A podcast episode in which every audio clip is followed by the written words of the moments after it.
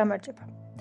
დღევანდელი თემა არის რა იწევს ურთიერთობაში და ურთიერთობებში დაძაბულობას, ურთიერთობის გაფუჭებას, ურთიერთობის დანგრევას და ურთიერთობის ჩამოშლას. რაც არ უნდა დავარქვათ, ეს ყველაფერი მაინც სინონიმებია, საბოლოო შედეგი არის ის, რომ ურთიერთობა ფუჭდება, ურთიერთობა ინგრევა და ურთიერთობა აღარ არის ისეთი, როგორიც იყო. და კარგად თუ დავფიქრდებით, ამ ყოველფრის მიზეზი ყოველთვის არის პრობლემები. და ყოველფერი მოდის პრობლემებიდან. ურთიერთობაში პრობლემები არის ის საკვანძო საკითხი, რომელიც გადალახვაც არის ძალიან რთული, რომელიც იწვევს უამრავ უამრავ პრობლემას, უამრავ დაბრკოლებას, ურთიერთობის გაფუჭებას, ურთიერთობის დანგრევას. და გააჩნია კიდევ იმას, რამდენად გამგები, მიმღები და რამდენად მიმღებები ვართ, რამდენად გამგები ვართ და რამდენად შეგვიძლია რომ რაღაცები მივიღოთ ან შევეგუოთ. მაშინ, როდესაც რაღაცებს ვერ ვეგუებით, მაშინ, როდესაც რაღაცებს ვერ ვიღებთ და მაშინ, როდესაც რაღაცების მიღება კატეგორიულად არ შეგვიძლია, მაშინ როდესაც რაღაცების მიღება კატეგორიულად არ შეგვიძლია, მაშინ ფუჭდება მთელი ურთიერთობა.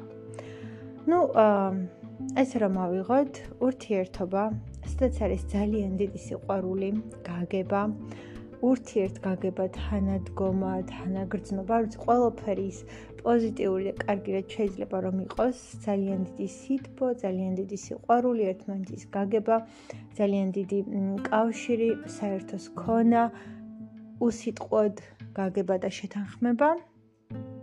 ასეთ ურთიერთობებშიც კი, როდესაც დგება ფინანსური საკითხი, იქ წამოიჭრება ძალიან ბევრი პრობლემა. ურთიერთობა, რომელიც არის და იყო დამყარებული სიყვარულზე, მაშინ როგორც კი ჩნდება ფინანსური პრობლემა და ფინანსური პრობლემები ურთიერთობა ძალიან ბევრ რაღაცას ვაღარ უძლებს.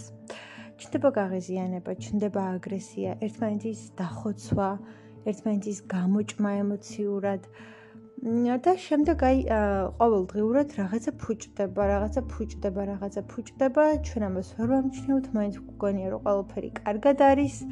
მაგრამ საბოლოოდ რაღაც ეტაპზე, როდესაც მიდიხარ, ხვდები რომ ეს ურთიერთობა უკვე გაფუჭებული და დანგრეულია. ა ფინანსური პრობლემა არის ერთ-ერთი მაგალითი. მაგრამ შეიძლება იყოს სხვა საკითხებიც, სხვა პრობლემებიც, რომლებიც ასევე აფუჭებს ურთიერთობას. ა შეიძლება იყოს მესამე პირის ან მესამე პირების, ანუ ძალიან ბევრი მესამე პირი იყოს, ანუ გარეშე პირი ამ შემთხვევაში ჩარევა, როდესაც ურთიერთობაში ჩარეულია და ზედმეტად ჩარეული არის გარეშე პირი, გარეშე პირები, მესამე პირი და ასე შემდეგ. ყოველთვის, როდესაც ორის ურთიერთობაში ზედმეტად იჭრება.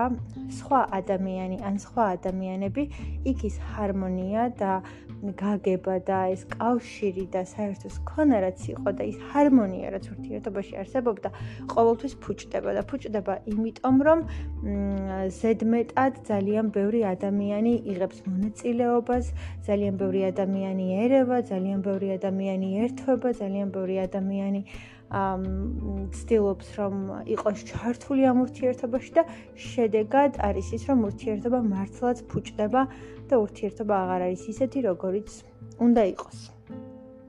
ან ისეთი როგორიც უნდა ყოფილიყო. მოკლედ ურთიერთობა ფუჭდება და აღარ არის საერთოდ ისეთი როგორიც იყო. ა ნებისმიერ შემთხვევაში მივდივართ იქამდე, რომ როგორც კი ურთიერთობაში ჩნდება პრობლემა და პრობლემები, არ აქვს მნიშვნელობა ეს როგორი პრობლემა იქნება, ურთიერთობა ნელ-ნელა მიდის გაფუჭებისკენ და ის ჰარმონია, რომელიც იქამდე იყო, ის სიყვარული, ის კავშირი, ურთიერთგაგება, საერთოს ქონა, სადღაც იკარგება, სადღაც მიდის და ყველაფერი საბოლოოდ მიდის იქითკენ, რომ ფუჭდება. ფუჭდება ურთიერთობა, აღარ არის ისეთი გაგება, აღარ არის ისეთი საერთოს ქონა ვეღარ გრძნობთ ჰარმონიას, მუდმივად ხართ დაძაბულები, დათრგუნულები, სულ არის პრობლემა, მუდმივად არის იმაზე ფიქრი, როგორ მოაგვაროთ ეს ყველაფერი და მთელი ამ ყოველფრის შედეგი საბოლოოდ არის ის, რომ ყოველფერი ფუჭდება.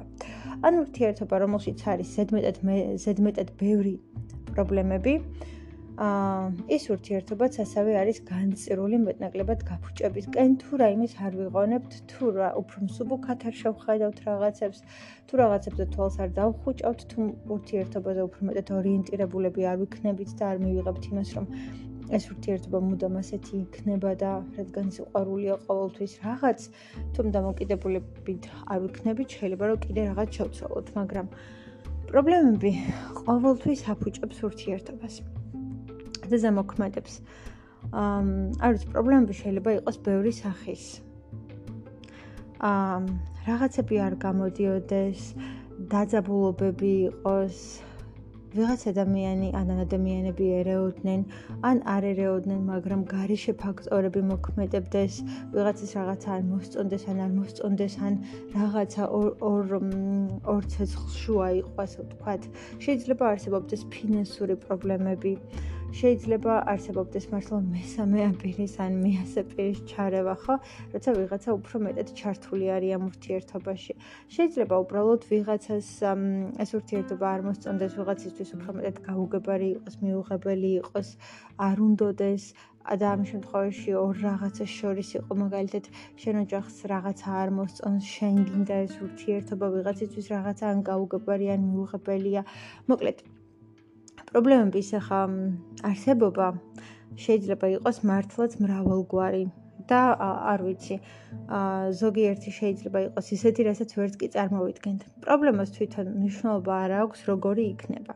თავარი არის ის რომ პრობლემა როდესაც არსებობს და ჩნდება ურთიერთობაში ის ურთიერთობა ნელ-ნელა ფუჭდება იმიტომ რომ ეს ჭამს და აფუჭებს არ ვიცი, როდესაც როდესაც ურთიერთობაში ჩნდება ძალიან ბევრი პრობლემა და დაბრკოლება, თუ უფრო მეტი არ მოინდომე და თუ უფრო მეტად არ ჩაერთე და თუ უფრო მეტი ღონე და ძალისხმევა არ გამოიჩინე და უფრო მეტად არ გააფერადე, გა გაამრავალფეროვნე თუ უფრო მეტად არ ჩაერთე და უფრო ჰარმონიული, მსუბუქი, ლაღი და შვიდი და რაღაც არ გახადე და თუ უფრო მეტი ფერი არ შეიტანე ამ ურთიერთობაში და ძალიან არ ეცადე შენც რომ ბევრი რაღაც გააკეთო ამ ურთიერთობისთვის ის აუცილებლად გამოიფიტება, გამოშრება და აუცილებლად აუცილებლად გაფუჭდება, იმიტომ რომ ვერ გაუძლებს ამდენ რაღაც დაარტყმას და ერთ-ერთ ჯერზე აუცილებლად აღარ იარსებებს. იმიტომ რომ პრობლემები პრობლემები ძალიან აზიანებს ურთიერთობას. თუ ამ პრობლემებს ხვანაირ ჭრილში არ შევხედავთ, თან დავინახავთ, თუ ძალიან ერთად არ დგას კონკრეტული წყვილი, ძალიან მჭიდრო და რა უთერთმანეთზე ხელი ჩაკიდებული და ერთად არ მიუყვებიან ყველაფერს, ყოველ ნაბიჯს და ერთად არ ცდილობენ რომ გადალახვან თითოეული დაბრკოლება, თითოეული პრობლემა, თითოეული წინააღმდეგობა, რომ ერთად იყვნენ ყოველ წუთს და ყოველ წამს და არაფერს და არავის არ მისცენ იმის საშუალება, რომ მათი ურთიერთობა შეჭამოს, გამოხრეს ან გააფუჭოს. თუმცა ამ შემთხვევაშიც მაინც არის საჭირო რომ რაღაცა მრავალფეროვნება, რაღაცა ფერადოვნება შემოვიდეს ურთიერთობაში, რაღაც უფრო მეტი სილაღე, მეტი სიმსუბუქე, მეტი სიმშვიდე, მეტი ჰარმონია, იმიტომ რომ ძალიან ამწიმებს ენერგეტიკულად რო ვთქვა, ძალიან ბინძურდება, ძალიან შავდება ურთიერთობა. thank you